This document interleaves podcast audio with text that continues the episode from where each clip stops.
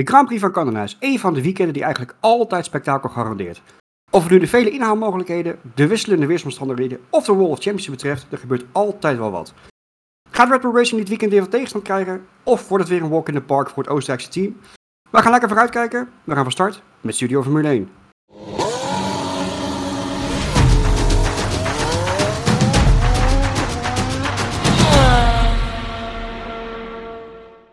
Goedenavond iedereen. Ik ben weer jullie host, Roy. Uh, ik zit hier met mijn uh, medecasters wederom uh, in het hele zonnige, warme, bloedhete Nederland. We gaan even lekker openen met een, een, een, vraag waar ik wel heel erg benieuwd naar ben. Um, om te beginnen bij jou, Chris. jouw favoriete herinnering van de Grand Prix van Canada? Mag een moment zijn, mag een race zijn. Ik ben wel heel benieuwd, want er is natuurlijk heel veel gebeurd. ja, voor mij is denk ik favoriete moment die keer dat Putten won in die veel te lange race. Die uh, uiteindelijk nou ja, half uitgevallen was en uiteindelijk weer teruggekomen. En dat die race ook super lang duurde door omstandigheden, et cetera, et cetera. En ja, dat was wel een te gekke race om te zien. Ook omdat het zo onwaarschijnlijk was dat hij het nog zou winnen. Ja. Dus uh, ja, dat is een van mijn uh, favoriete Canada herinneringen.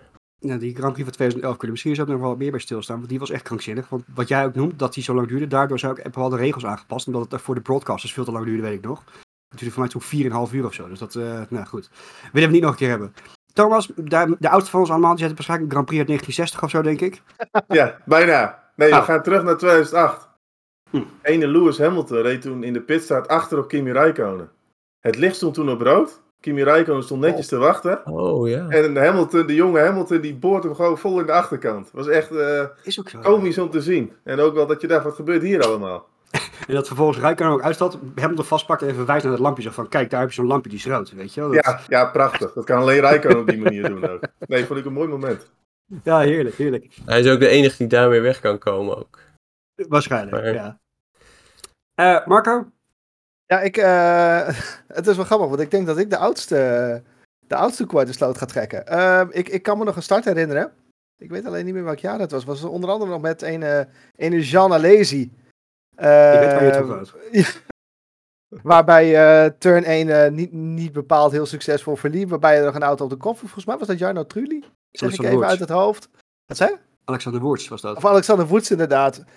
Um, in combinatie met onder, onder andere Jarno Trulli, Jean Alesi, nog een aantal. Dat was een, uh, nou, de vloog het een het ander over de kop. Dat is mij nog bijgebleven en ik weet niet eens waarom, want het is echt een, een race van echt zoveel jaren terug.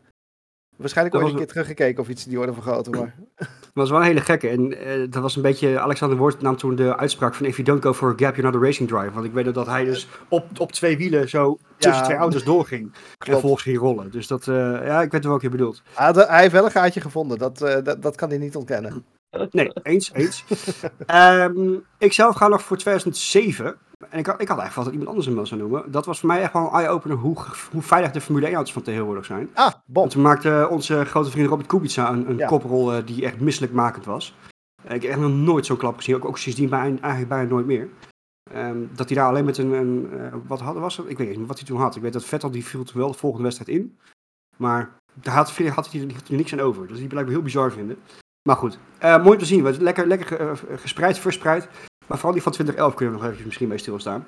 Maar goed, het was op zich een redelijk rustige week in de wereld van de Formule 1. Een nieuwtje wat misschien een beetje ondergesneeuwd is, maar denk ik niet minder belangrijk, is het vertrek, of eigenlijk uh, de verhuizing van James Key naar het team van Alfa Romeo CQ Audi. Het zal denk ik vooral zijn met het op Audi, ga ik vanuit. Maar hebben we daar wat meer achtergrondinformatie over, Thomas? Nou, ze zijn een beetje, een beetje aan het vissen voor de toekomst natuurlijk bij Audi. Ze proberen een beetje de mensen op de juiste plekken te zetten. Want natuurlijk in 2026, ja, dan willen ze gewoon goed uh, aan de start staan. Dan willen ze echt natuurlijk wel een beetje meedraaien met, uh, met het team. En natuurlijk, ze hebben Seidel al binnengehaald van McLaren. Ja, die kent natuurlijk James Key. Dus dat is best wel een makkelijke link. Alleen het zijn nog niet zeg maar, de grote kanonnen in de Formule 1. Hè, waarvan je echt zegt van dat is een garantie voor succes. Als je een Adrian nee. Newey noemt uh, of een James Allison. Maar goed, Key is wel iemand met, met ervaring. Alleen, ja, hij is, hij is er ook niet voor niets uitgegaan bij McLaren. Dus ja, het is ook volgens mij, volgens mij ging hij uit door tegenvallende prestaties, toch? Tenminste, dat is een beetje wat, wat men zegt. Ja, maar goed, we- dat is ook wel een beetje bij McLaren zo. Hè? Een beetje als een timmerman zonder goed gereedschap. Ja, dan kun je ook niet eh fatsoenlijke schuur bouwen. Het is een beetje, dat vind ik wel een beetje van beide. Maar ik wel bij McLaren van de faciliteiten lopen achter. Dus in hoeverre kun je dat dan zo'n James Key kwalijk nemen? Maar ik vind het wel een interessante eh, ontwikkeling natuurlijk. Je ziet, hè, ze proberen echt de juiste mensen nu bij elkaar te zoeken. En dat team probeert echt voor lange termijn eh, nu gewoon eh, zaken te doen. Tot in hoeverre zijn die ehm, aankopen, of aankopen is het niet echt, hè? eh, vallen die mensen nu al onder de budgetcap van Alfa Romeo? Ja, ze komen onder die loonlijst eh, te staan. Dus die, die drukken nu trouwens. al op de, op de kosten ervan verwachten. Ja, maar ik denk wel dat een James Key valt wel onder die top 3, neem ik aan, van duurste personeelsleden die er buiten valt, toch? Ja, die, die zal niet voor niks komen. Een technical director staat meestal wel eh, bovenaan de salarissen van technisch personeel. Dus Ja. Ja, in dat en opzicht, Seidel eh, zal daar ook buiten vallen, denk ik. Ja. Die is CEO van de hele show. ja. Maar het is vind ik in ieder wel- geval dan duidelijk dat ze het super serieus nemen in ieder geval. Ja, je moet ook wel, hè. Je moet gewoon... eh, ja, Formule 1 is gewoon een hele lastige business om echt goed mee te draaien. En zul je op tijd de juiste mensen moeten binnenhalen. Ja, dan hoop ik dat ze met Seidel en eh Key echt mensen hebben die dat ook kunnen neerzetten. Nou ja, en een merk als Audi kan ook gewoon niet anders. Weet je, eh, en het heeft, heeft zo'n ja, image gewoon wereldwijd. In alle autosport eh, ehm, ja, eh, sectoren die je maar hebt. Eh, Ze hebben natuurlijk WEC gedaan, ze hebben eh, nee, vroeger al rally gedaan, hè, TCR, eh, allerlei dingen hebben ze ertussen gedaan. Ehm, ze kunnen zich niet veroorloven om ja, een beetje halfgebakken auto neer te zetten natuurlijk. Dus Nee, maar ja, daar, daar kom ik een beetje op die Timmerman. Je moet wel zorgen dat je de faciliteiten krijgt. Want anders kan een James. Key, ja, dan kan hij weer niks beginnen. Dus eh, Ja. ja, dat wordt heel interessant om te volgen hoe dat allemaal, allemaal gaat bij Audi. ja, daarom. Maar Oh, je zegt het wel hoor. Eh, eh, sorry dat ik je onderbreek, Roy. Wat, wa- wat voor mensen verwachten we, denk je nog, dat er nog naar Audi toe moeten gaan? Nou, tot nu toe zie je ze een beetje uit de, uit de vijver van Seidel eh, vissen. Hè? Dat ze nu een beetje bij McLaren. Ja, eh, maar wil je echt een echte knal maken, dan zul je toch denk ik bij de topteams ook eh, bij een Red Bull of bij een Mercedes toch mensen moeten gaan verleiden. Maar ja, dat, daar moet je zak, van geld, zak met geld voor hebben. Dat is wat Red Bull natuurlijk eigenlijk ooit gedaan heeft. Hè? Die kwamen Mhm. binnen en het eerste wat ze gewoon deden was die nieuwe contracteren voor een waanzinnig eh, bedrag. Ja, daar wist je gewoon van, dat was de beste ontwerper in de Formule 1. Ja, Ja. dan moet je ook het budget er tegenaan willen gooien. Dat is natuurlijk de vraag in hoeverre wil Audi dat gaan doen. Ja, maar daar ben ik wel een beetje benieuwd naar. Want hè, afgelopen week hebben we het natuurlijk ook even kort gehad over de loonlijst van, eh, van Red Bull. Ehm, waar natuurlijk eh, ehm, langzamerhand af, af en toe wat mensen eh, weggetrokken worden naar andere teams eh, links en rechts. Eh, Zou Red, Red Bull nog slachtoffer kunnen worden van de komst van Audi, denk je? Nou, is, is wel iemand met, met eh, diepe zakken in principe, als ze willen. Dus in die zin zou, daarom, dat, dat dus- zou dat kunnen.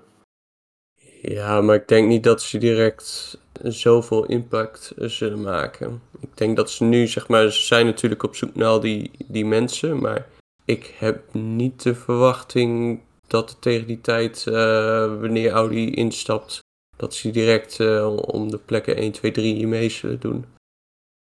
Ik denk dat het zagen we toen destijds. Nou, weet ik. Ik denk dat je een beetje meer het, eh, wat Chris zegt hoor. Dat je wat meer het Mercedes-effect krijgt.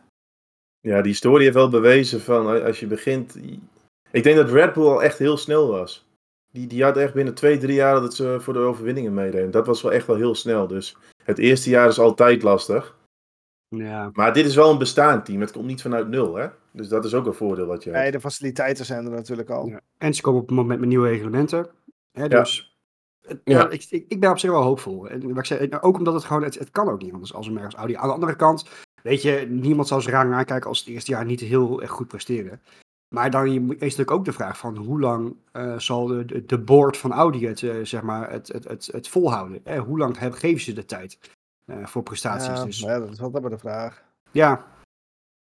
Daarom. Maar goed, nog wel eventjes over eh, een klein zijsprongetje uh, over gereedschap gesproken. Ja, de, de, de brug, uh, brugbouwer is weer bezig.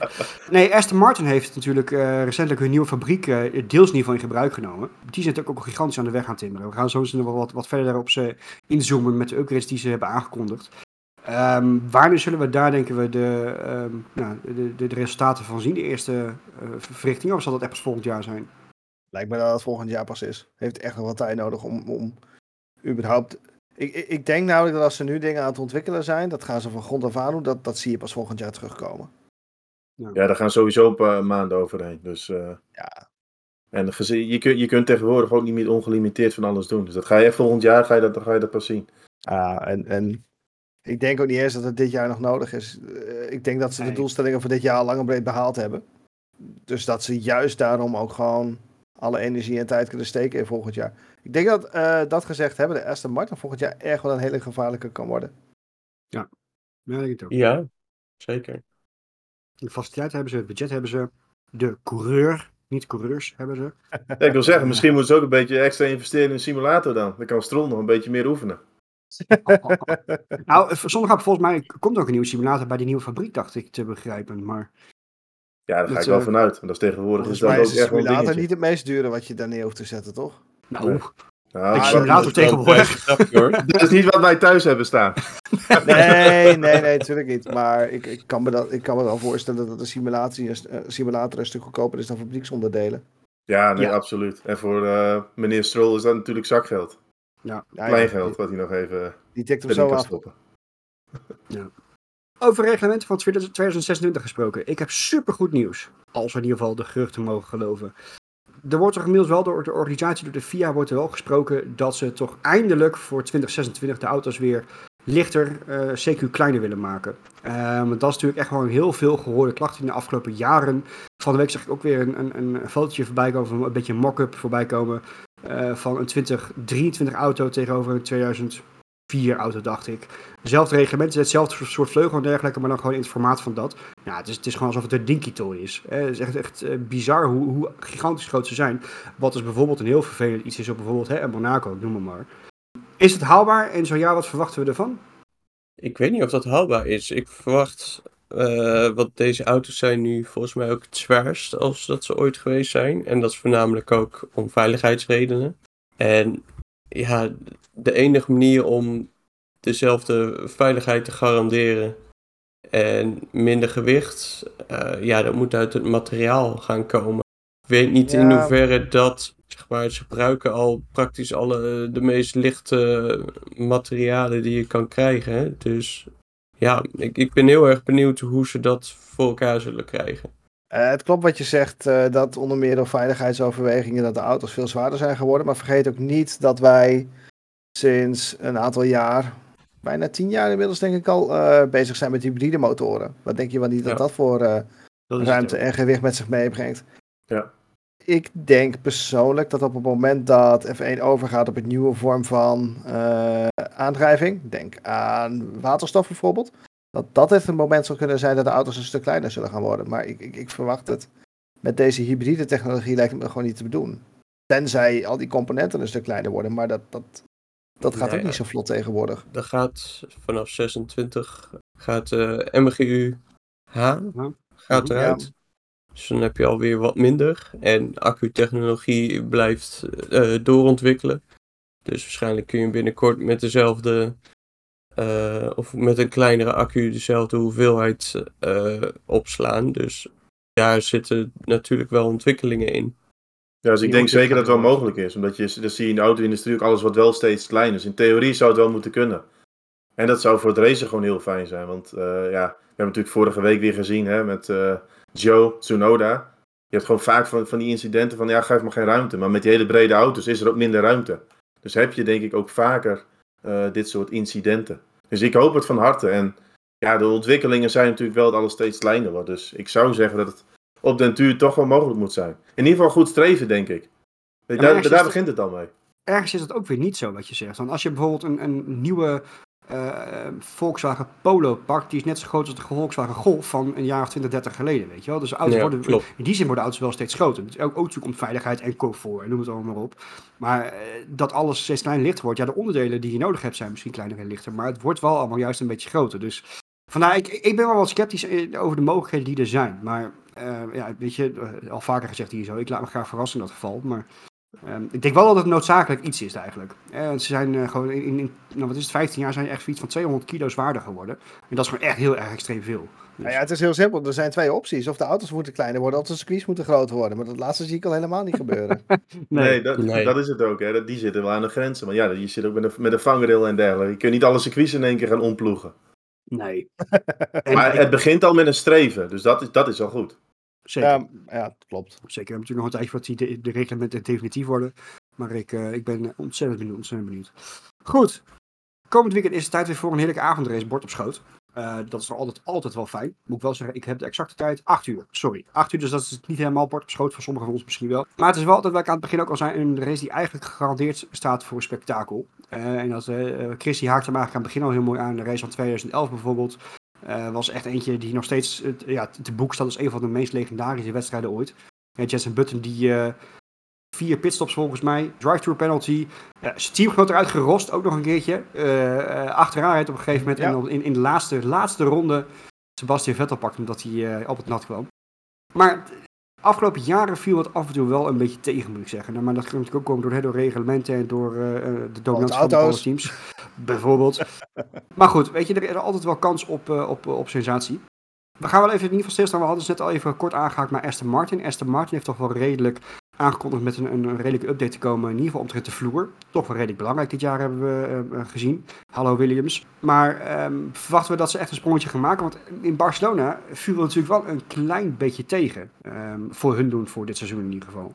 Ja, ze zien natuurlijk ook hè, dat, dat Mercedes is vooral met die update gekomen, Ferrari. Dus nu komt Aston Martin weer. En dat is wel een leuk schouwspel tussen die teams achter Red Bull. Want ik denk, ja, daar gaat de spanning nu om. Wie wordt tweede in het constructeurskampioenschap? en natuurlijk bij de rijders een beetje best of de rest. Dus ik vind dat wel, uh, wel interessant. Kijk, ik denk dat Spanje ook gewoon een minder weekend was van, van Aston Martin aan zich. Uh, ook een heel ander type circuit. Je krijgt nu Canada. Is gewoon veel meer van die uh, ja, stop-and-go bocht ook. Dat je hard komt aanremmen, stoppen en dan weer echt met tractie eruit. Dus in dat opzicht ben ik ook benieuwd of Mercedes dan ook zo goed is. Want ze hebben het goed gedaan in Spanje. Maar het kan ook wel zijn, hè, dat is een heel specifiek circuit. Misschien lag ze dat ook wel heel goed. Dus als Mercedes hier weer het tweede team is, dan hebben ze voor mij pas echt bewezen dat ze die stap ook gemaakt hebben. Ja, goed punt. Rome is niet op één dag gebouwd. Nee, dat ben ik helemaal met je eens wat dat betreft. Ik, ik vraag me alleen wel af of. Ik denk dat er namelijk twee dingen aan de hand waren. Aston had een minder weekend en Mercedes had het betere circuit voor hen te pakken. Ik vraag me überhaupt wel af, zeker omdat we natuurlijk vorige week heel veel veranderingen bij heel veel teams gehad hebben. Wat de verhoudingen dit, uh, dit weekend zou zijn, dat we toch een, hè, wat jij zegt, een, een stop-and-go circuit. Een heel ander uh, type, de, type banen waar we vorige week alweer op waren. Eigenlijk alweer een soort van statuscircuit. Nou, Thomas, doe daar, uh, doe daar je voordeel mee. al, al denk ik niet dat je hier, uh, hier zo'n heel grote hekel aan hebt. Maar ik, ik, denk dat we echt over twee, drie, vier races pas kunnen zien wat, uh, wat de echte effecten zijn geweest. Ja, kan, laten we eerlijk zijn, Canada is natuurlijk niet echt een baan waarvan je uh, direct je update zal zien werken. Weet je, Kijk, uh, Spanje, weet je, er is in principe altijd gezegd: als op Barcelona je auto goed gaat, heb je een goede auto. Is dat dus nog ik, wel zo? Ja, dat hoorde ik dus, dat hoorde dus vaker naar Spanje. Ja, Spanje is een circuit met heel veel snelle bochten en middensnelle. Maar als ik naar de kalender kijk, je hebt zoveel stratencircuits, zit allemaal van die stop-and-go. Uh... Dat is het meer. Is dat tegenwoordig? Nee, ja. Ik denk dat het ik veranderd is tegenwoordig. Ik denk dat je juist, want je krijgt nog een Las Vegas, Singapore, allemaal van die, van die stratencircuitjes. Dat, dat uh, Catalonië is voor mij echt geen graadmeter meer. Ja, hoe je auto de rest van het seizoen gaat presteren. Die opmerking stamt uit de tijd waarin we nog reden op Imola, op Monza. Nou ja, daar nog steeds op. Maar waar de, ja. waarin de circuits alleen maar Imola en Monza en Brands Hatch en, en noem het allemaal was waren. Daar stamt die opmerking vandaan. Toen hadden we alleen maar Monaco en soort of Canada en Adelaide. Ja, dat waren dan outliners. Maar, de, ja, de, maar aan de andere kant, de, de Europese lek die er nu zeg maar aankomt, dat is nog steeds best wel heel veel oldschool circuits. Ja, uh, eigenlijk, eigenlijk tot, tot en met Zandvoort, bij wijze van, uh, hebben we toch eigenlijk allemaal wel gewoon normale circuits eigenlijk nog te gaan. En dat zijn natuurlijk best wel wat. Dus in die zin zou het nog wel kunnen kloppen. Alleen als je net verder naar de kalender kijkt, ja. Nee, je, zegt het, eh, je zegt het, hè, tot en met Zandvoort. Dat is tot en met september? Ja, zoiets. Mm -hmm. Maar drie maanden. Hoe moet je nagaan? We hebben er al drie, ma drie maanden op zitten met allemaal stratencircuits. En dan krijgen we daarna nog twee maanden stratencircuits. Wat een onzin. Ah, niet helemaal. We hebben nog Kota, we hebben Mexico. Nou, daar heb je het ook al voor wat. ja. Maar ja, ik, denk, ik denk in het geval van Aston Martin dan, dat zij op die stop-and-go baan, hè, waar, waarbij je dus ook meer uh, slijtage op je achterbanden hebt, dat zij daar überhaupt al beter uit de voeten kwamen. dus daarom vind ik dit wel, wel interessant. Van, ga je dat dan nu weer zien dat ze wel weer boven komen rijden? En ook Ferrari. Want Ferrari vooral de zwakte dat ze in snelle bochten en uh, dat soort zaken minder zijn. Maar op zich, uh, stop en go gaan ze niet zo verkeerd. Baku was een van de betere, betere weekenden bijvoorbeeld. Klopt. Ja, klopt. En, en vraagt ook iets heel anders van een auto. Want je moet het eigenlijk zo zijn. Als je een bocht hebt met een korte radius. Dan ja, je gooit je auto de knik om. Vervolgens ga je accelereren. komt vol, vol die stress op die achterbanden terecht. En een snel circuit.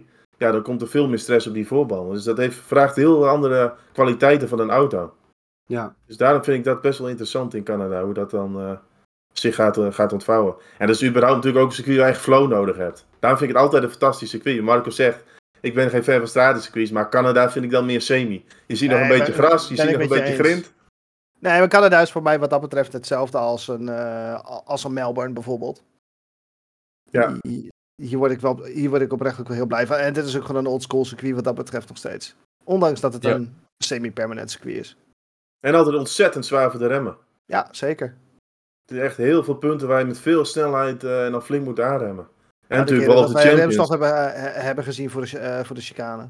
Ja.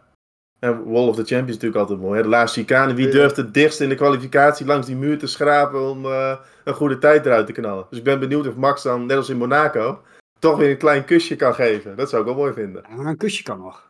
Ja, dan kun je daarom een kusje kan wel. Ik denk, denk, denk dat mijn vriendin er anders over denkt, maar een kusje kan nog. Nee, eh, nee, maar, eh, we- die Wall of Champions heeft natuurlijk een bepaalde naam gekregen. Maar het is echt al best wel een tijdje geleden dat iemand er me echt in heeft gehangen, volgens mij. Nou, Max, doe eens wat.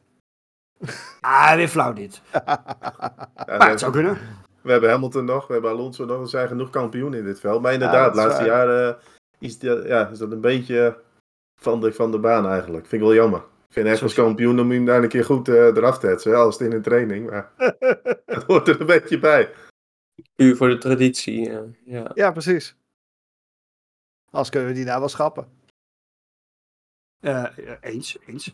Eh, maar ik zit zo eens even te kijken, want in Canada hebben ze eh, papam, de zachtste compounds meegenomen. eh, Pirelli. Dus ik zit te denken, ja, is, is ja, je hebt natuurlijk wel heel veel eh, trage bochten, dus dat die achterbanden ze misschien wel een beetje te verduren krijgen. Maar verder valt het op zich wel mee op dit circuit, lijkt me toch? Ja, het is niet een heel eh, zwaar circuit voor de banden. Maar voornamelijk voor de, voor de achterbanden dan. Maar hangt ook, Ja. ook natuurlijk van temperatuur af. Als het een beetje warm gaat worden, eh, dan heb je natuurlijk misschien een stuk meer slijtage. Maar dan, moeten dan, dan moeten we denk ik zo Meteo Marco even raadplegen. En ik denk dat Red Bull natuurlijk wel vrolijk wordt van de rechte stukken. Maar ja, goed. Dat ze favoriet zijn, dat, dat weten we al.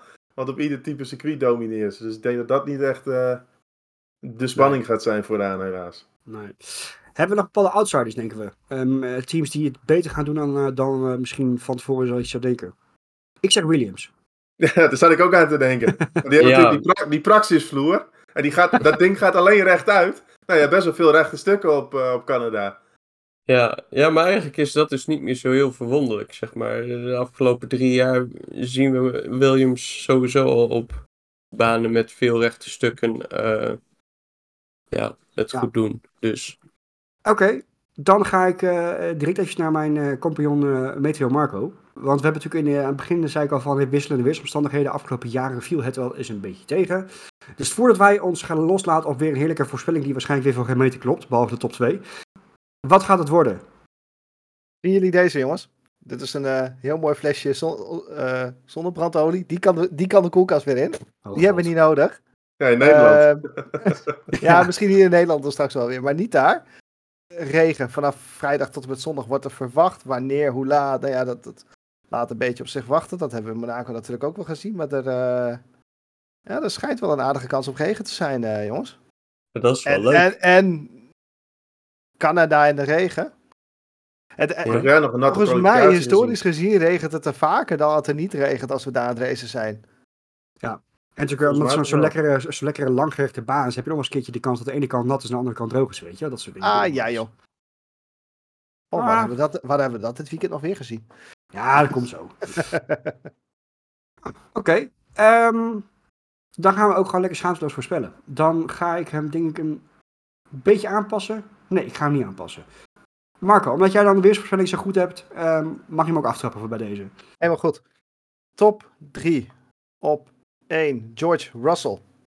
Op 2 Checo Perez. En op 3. Nee, die kan dan ook niet finishen. Eh, Stroll. Ehm, wat, wat heb jij gedronken? Wat zit er in jouw bier? eh? Oké, flesje ehm. Nee, ik ga jullie namelijk zo vertellen waarom. Ja, want ik had een vreemde eend in de bijt, uh, had ik uh, als, als idee. Um, Ja. wie, gaat hem, wie gaat hem in de World of Champions zitten? Maar ik heb zo'n idee dat ik weet wie jij gaat zeggen. Alle drie de wereld- wereldkampioenen. Ach, jezus. Alle drie ook echt. Ja, we, moeten, we, we hebben nog wat recht te zetten. Eh, Oké, Nee, wel klassieker. dat, Ja, dat denk ik, ik was, als, het, als het uitkomt, dan duurt onze volgende aflevering minimaal een uur. Dat weet ik vrij zeker. Oké, ehm, dan had ik nog een andere vreemde eend in de buit, maar die heb je eigenlijk al beantwoord. Namelijk toch wel weer een beetje oldschool. Wie wordt onze thuisfavoriet? Ja. Of wat doet onze thuisfavoriet? Maar eh, die gaat dus volgens jou eindelijk een podium pakken op, op, eh, op Homefront. Ah ja, waarom ook niet? Hij heeft de auto ervoor. Als de regent is hij er een klein beetje naar zijn. Ja, laatste jaar, laatste jaar lijkt hij al heel wat minder te zijn de regen. Maar we gaan het zien. We gaan het Maar- zien. Wat jij al vaak zegt, je moet gewoon hopen dat Erten weer boven komt, eh, komt drijven in plaats van Bruno. Dus, Hij, hij- ja, ja. precies. Hij moet in de item moet hij, eh, ja, gaan, gaan channelen en niet eh, de inner Bruno. god, oh god. Oké, ehm, ik ben benieuwd, ben benieuwd. Thomas. Ja, nee, bij mij is het gewoon Verstappen op één. Geen twijfel over mogelijk. Sainz op twee. Ja, ja Ferrari eh, die heeft helemaal, sinds Le Mans gaat het helemaal fantastisch daar. Sainz wordt tweede. en Nemen ze, derde. dezelfde, nemen, ze, nemen ze dezelfde strategielijn mee? Ja, ik denk dat ze inspiratie op gedaan hebben. Dus die strategie bij Ferrari gaat goed zijn. Die updates Ik denk dat gaan ze gewoon dezelfde werken. auto meenemen. Dat, eh, Oh, dan maken ze aardig kans, denk ik. Stroll wordt, Stroll wordt zesde en die eh Sargent die hangt hem daar in de muur. Want dat vind ik wel een wilde coureur. Die, die is wel eh, in voor, de, voor een actie. Ik wilde Ja. de Vries noemen, maar vind ik een beetje flauw. Nee, Sargent. Die gaat hem daar echt eh, flink opvouwen. Ja, snap ik. Ga ik me dit geval even openpakken. Ehm, door wat je net zei, ehm, mijn top 3 is gewoon heel erg saai. De nieuwe ham, hamverbod, eh, de Verperalo of zo is het volgens mij. Kan even een drankje, drankje, het kan wel een drankje worden zo. Geen Desperado, maar Verperalo. Ja.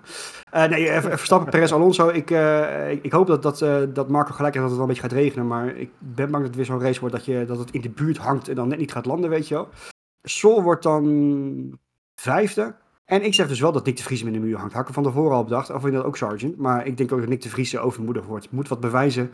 En nog steeds, al zegt hij van niet. Ehm, dus die gaat hem opvouwen. Dus Dan is hij ook werkloos na het weekend. Dat bang denk ik wel. wel, ja. Nou, dat eh, eh, gaan we, we gaan het zien. Ehm, last but not least, Chris. Doe een Ja. fatsoenlijke voorspelling. nee, nee, ik ga mee in deze gekkigheid. Oh god. Ik zet wel Max op 1. Ah. Maar Stroll op 2. En Hamilton op 3. Zo gek is die dan ook weer. Die bal van Stroll. Maar oké. Ja, Eh, op zich nog redelijk oké. Behalve de vreemde eend. Letterlijk en figuurlijk in dit geval. eh. ja, we missen iemand in dit, in, dit, in dit rijtje die hem in de muur hangt volgens mij, of niet? Nee, nee Oh. ik, eh, ik verwacht dat eh, Yuki hem in de, de muur zet. Oh, die kan hem ook nog wel eens vouwen, ja. Die, eh, die heeft er ook nog wel handjes van.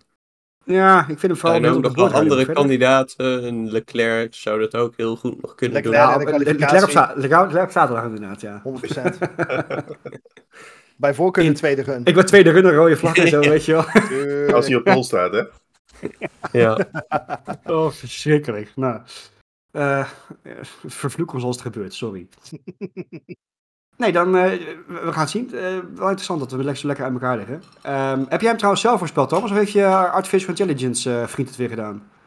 Nee, ik heb dit keer zelf voorspeld. Oké, oké. Waar, waar, waar is jouw artificial intelligence vriend? Ja, die neem ik de volgende keer mee. Ik ben, be- ben- ik ben een beetje geïnspireerd door, eh, door Le Mans. En dat Sainz die het vorig jaar ook heel goed deed. Ja, oké. Jij, zegt, jij zegt Ferrari eh, geïnspireerd door Le Mans. Leclerc was er vandaag aanwezig. Zou die nog wat eh, meegenomen hebben van onze grote vriend Alessandro Piaguidi? Eh, ja, dat betwijfel ik. Die wil ook wel eens een foutje maken op zo'n circuit, dus... Dat- Eh, Eerst zien, dan geloven. Maar van Sainz heb ik goede hoop. Gevoelsmatig. Ik denk dat Leclerc vooral jaloers was. ah, ja. Dat denk ik ook wel, ja. Team wat wel functioneert. Zo. Nou, weet je, laten we ook gewoon direct een, een zijsprongetje maken, want we hebben Canada denk ik wel gedekt. Ehm, we gaan even, ons even weer omdopen tot Studio Verk of Studio Le Mans, hoe je het maar wil noemen. Ehm, het, het was, eh, Le Mans was dit jaar echt wel een sensatie, of niet? Dit, dit, dit was er eentje.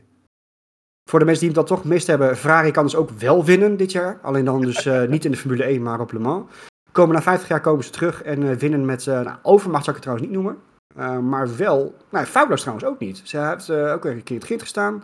Nee, foutloos was het ook zeker niet. Er was, volgens mij was er geen enkel team foutloos dit jaar. Nee, eigenlijk niet. Nee, Wat het eh, wel extra spectaculair maakt natuurlijk. Maar ook ehm, fouten. Heel hoop fouten. Ook Heel- menselijke fouten, zeg maar. Ja, gezien klopt ja. Het, het was meer menselijke fouten dan dat er. eh, Materiaal eh, stuk Ja. ging. ja. En wat me heel erg verbaasde, je zag ook een aantal, eh, eh, bij- bij slow zones en dergelijke, dat er ook heel veel mensen gewoon, ja, voor mij als leek lijkt het dan gewoon dat ze niet opletten. Hè? Ik bedoel, Guido van der Garde is knijterhard gebeukt toen hij afremde voor een slow zone. Renger is natuurlijk, Renger van der Zanden in de Cadillac is, is gewoon, ja, is gewoon eruit gekegeld eigenlijk. Ehm, ik, ik vind het wel mooi, die Renger van der Zanden is altijd zo lekker politiek correct en netjes en zo als hij bij Ziggo zit. Maar toen hij bij Allard bij de microfoon stond, dan was het... eh, ik heb nog nooit eerder zo gezien, eh, zo vloeken en zo. Ze moeten gewoon de fucking regels kennen. Ja, nou, dat klopt wel. Ik kan wel stoom uit zo. Ja, dat kwam echt zo uit. Zo. Nee, maar dat, het, het was wel, eh, dat zijn we natuurlijk tegen elkaar ook van. Ze, de, er, was, er werd ook agressief gereden op de baan. ehm, maar dat heb ik natuurlijk ook al vorige week al een beetje gezegd. Van, het is geen eh uitputtingsslag meer zoals het was. Hè, het is nu echt gewoon een, een 24 uur sprintrace met stints van, eh, van een half uur of van drie kwartier ongeveer. Dan krijg je ook meer fouten. Want Ja, de daarom. onderlinge verschillen zijn kleiner, dus zijn mensen meer aan het pushen. En dan worden er fouten gemaakt. Maar het, het is natuurlijk wel geweldig dat, dat de Ferrari dan de honderdste editie wint. Ja, Want Ja, dat viel me ook wel op, na, na de finish. Dan zie je ook pas hoe groot een merk als Ferrari is. Want ik zag zoveel mensen met Ferrari-petjes, shirts en vlaggen. Er is geen één ander merk die dat zeg maar teweeg kan brengen. En dat zij dan die honderdste winnen. En ja, met de bolide die ze hebben, want ik vind ik er prachtig uitzien. Ja. Zeker weten. Vond ik toch wel extra mooi van deze, deze Le Mans.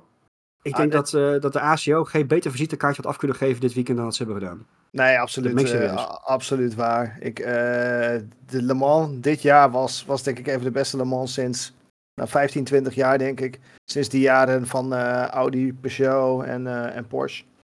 En, en wat ik wel heel erg gaaf vond, we hebben de, ehm, binnen de hypercars, eh, hypercars, hy- hypercar klas. Goedemorgen. Carglass repareert? oh, zo dat dus.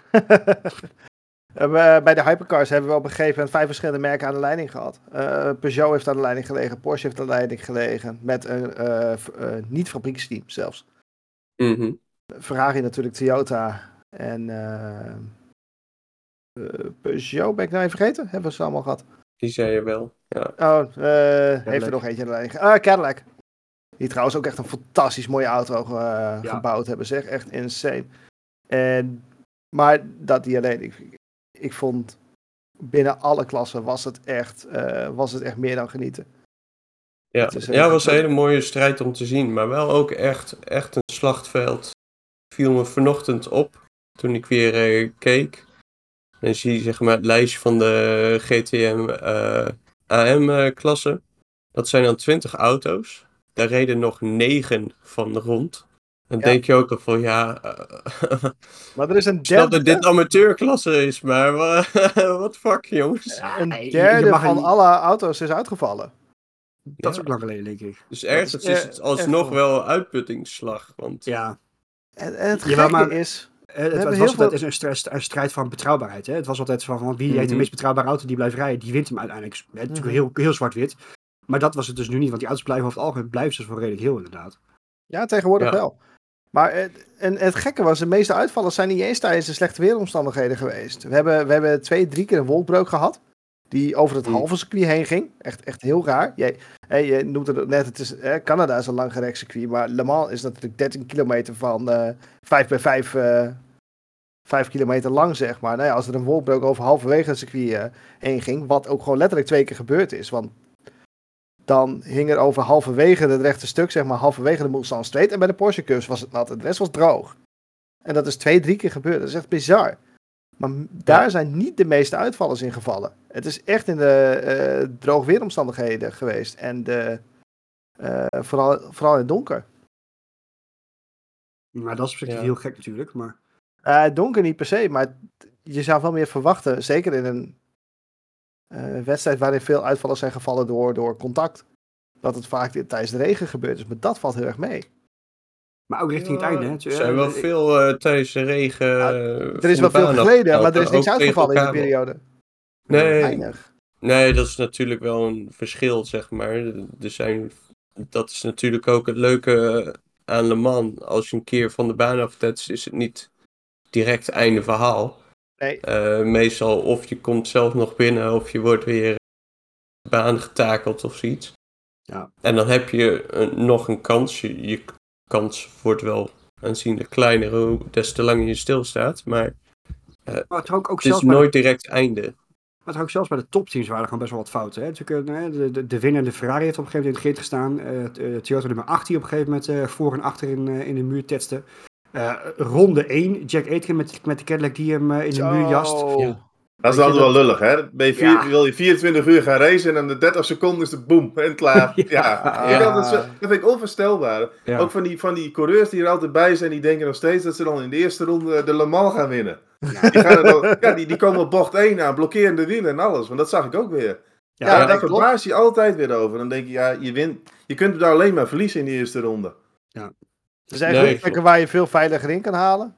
Ja, ook. En Ook dat in de toont ook wel aan dat het een hele andere discipline is. Hè? Want er, zijn, er is ook wel sprake, hè? misschien dat coureurs, Formule 1 coureurs dat willen gaan doen. Maar het is een hele andere het al een paar keer van sport. jaar. Want bijvoorbeeld een Leclerc, dat is iemand die houdt in de Formule 1 zijn stijl is gewoon pushy altijd. Ja, dan hoef je in een 24 uur race, heb je daar heel weinig aan. Want dan rij je toch een keer helemaal stuk op verkeer of iets dergelijks.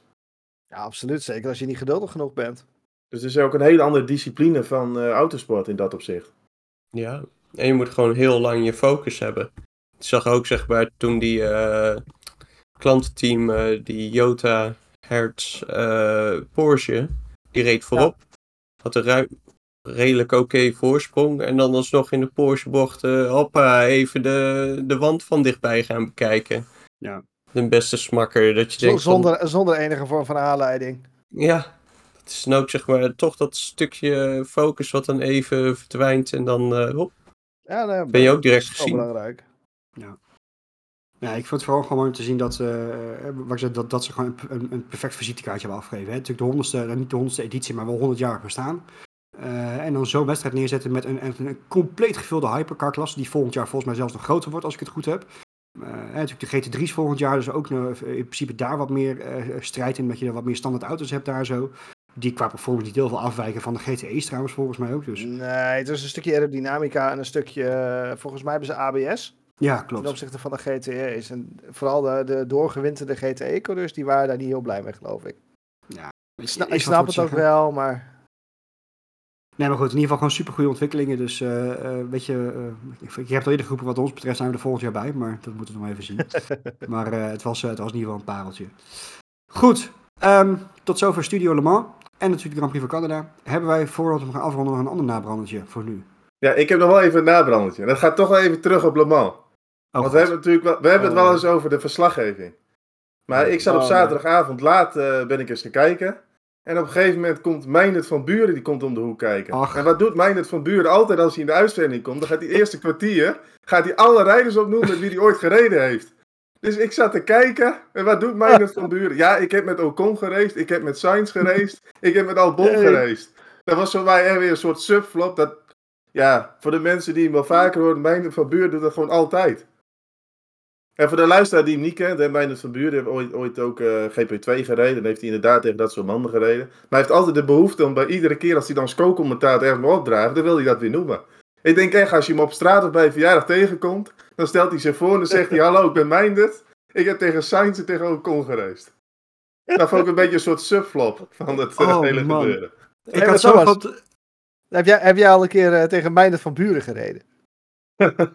Ik wel. Ik heb zondag Nee, in- doe, het- doe het niet. Ja, ik, som, ik heb zondag in een surf met in iRacing met hem gezeten. Dus ik heb tegen Ah, die ja. jongen geraced. Nou, dan kun jij zo die podcast die er op staat. Ik heb tegen Nou. ja, ik ben Roy en ik heb tegen mij net gereden. Ik heb met eh, Ja- Daniel Junquedela gereden, eh, tegen Felix da Costa gereden. Ja, jeetje, allemaal joh. Echt, nou goed. Ik, ik had echt gehoopt dat hij het inmiddels had verleerd. Want ik weet nog dat wij jaren terug toen hij naar Formule 2 met Ronald van Dam deed. Dat we er Ja. helemaal, helemaal kapot aan erg dat hij toen ook een hele race deed. Ja, ik denk dat inmiddels dat hij wel wat beter was. Maar goed, wat ook leuk was, was dat Jeroen Blekemolen ook voor twee zenders werkte. De ene keer zat hij bij RTL 7 en twee uur later zat hij weer bij Eurosport.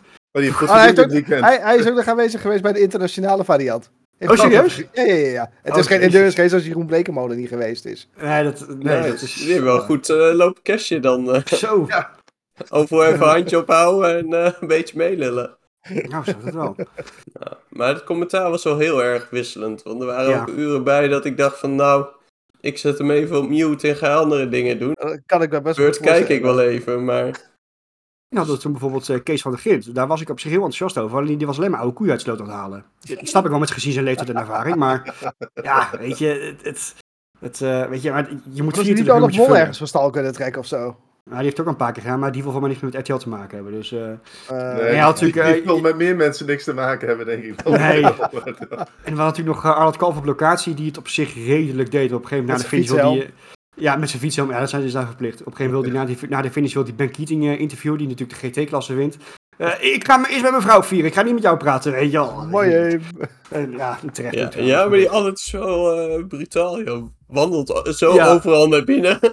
Wel een prima pit reporter, want we vorige keer hebben we nog Ja, wel zeker gehad. Die weten. Pit reporters in Nederland hebben die eigenlijk een beetje beneden ja, niveau vinden. Maar ik vind Albert Kalwijk door de jaren heen best wel een prima Ja. pit reporter. Maar dat, dat heb ik altijd al gevonden. Bij, bij, toen vroeger, toen, toen Olaf Mol en Albert Kalf nog samen waren. Hè? Ken, ken, ken- Kennen we het nog? andere tijden sport. Ehm, toen, we had- toen hadden we inderdaad ook al het Kalf altijd in de pit staan. Ik vond dat altijd super vermakelijk. Ja. Eens. Moet, moet, moet je even bedenken dat het Jack Ploy met de Le Mans hebben staan. Goeiedag zeg. Nee, nee, nee. Ja, maar dan, dan wilde ik er een Jack Ploy show van maken. Jezus. Ja, ja, maar Jack Ploy zou toch zelf LMP2 moeten rijden, toch? Gezien hij tandarts is. En een P3. En een Chris. P3 is Oh. Oh. Jammer. Maar Dan ga je, weer- dan ga je even van de grap vertellen die onze luisteraars niet snappen. zo jammer dit. Alsjeblieft. Voor, voor de luisteraars onder ons die het nog niet snappen, er is ook nog een klasse NP3, doet niet mee met Le Mans. En schijnbaar rijden daar alleen maar hele rijke tandartsen en zo in mee. Dus dat is de, de tandartsklasse geworden. Dus eh, eh, ik, ik hoop alsjeblieft niet dat Jack Ploy dat gaat doen, zeg. Alsjeblieft. Misschien doet hij het al. Past hij in die auto dan? Kunnen we dit uitzoeken? Nee, laat, laat maar zitten. Ga ik echt niet doen. ik, eh, ik ga hem hem want anders eh, we, we ontsporen we helemaal. Dus, eh, we Nou, gaan dit was hem, Studio Tandarts. Studio Tandarts, mijn god zeg. Onze, onze excuses eh, voor deze, dit laag niveau vandaag. Nee, ehm, het is genoeg geweest. We gaan op naar de Grand Prix van Canada. Betekent wel voor de luisteraars en kijkers dat we natuurlijk niet op zondagavond gaan op- opnemen, want er moet ook gewerkt worden op maandag. Wat? Eh, eh, ja, voor mij in ieder geval wel, voor de meeste Ja, van ons. oké. Ehm, dus maandagavond nemen we op. Hopelijk staat hij dan, eh, of maandagavond of dinsdagavond staat hij online voor jullie. En dan eh, hopen we dat, we eh, in ieder geval een uurtje kunnen vullen met een hele mooie Grand Prix, waar of Marco of Chris hem helemaal goed heeft. Maar, ja, of Thomas trouwens ook wel. Ehm, dat ik in ieder geval ongelijk had, dat hoop ik wel. Voor nu gaan we afronden. Mannen, dank jullie wel weer voor een mooie uitzending, voor het grap, het gollen en het hoge niveau, maar niet heus. We zien elkaar volgende week weer. Luisteraars, bedankt voor het luisteren. Kijkers, wederom bedankt voor het kijken. En tot na de Grand Prix van Canada.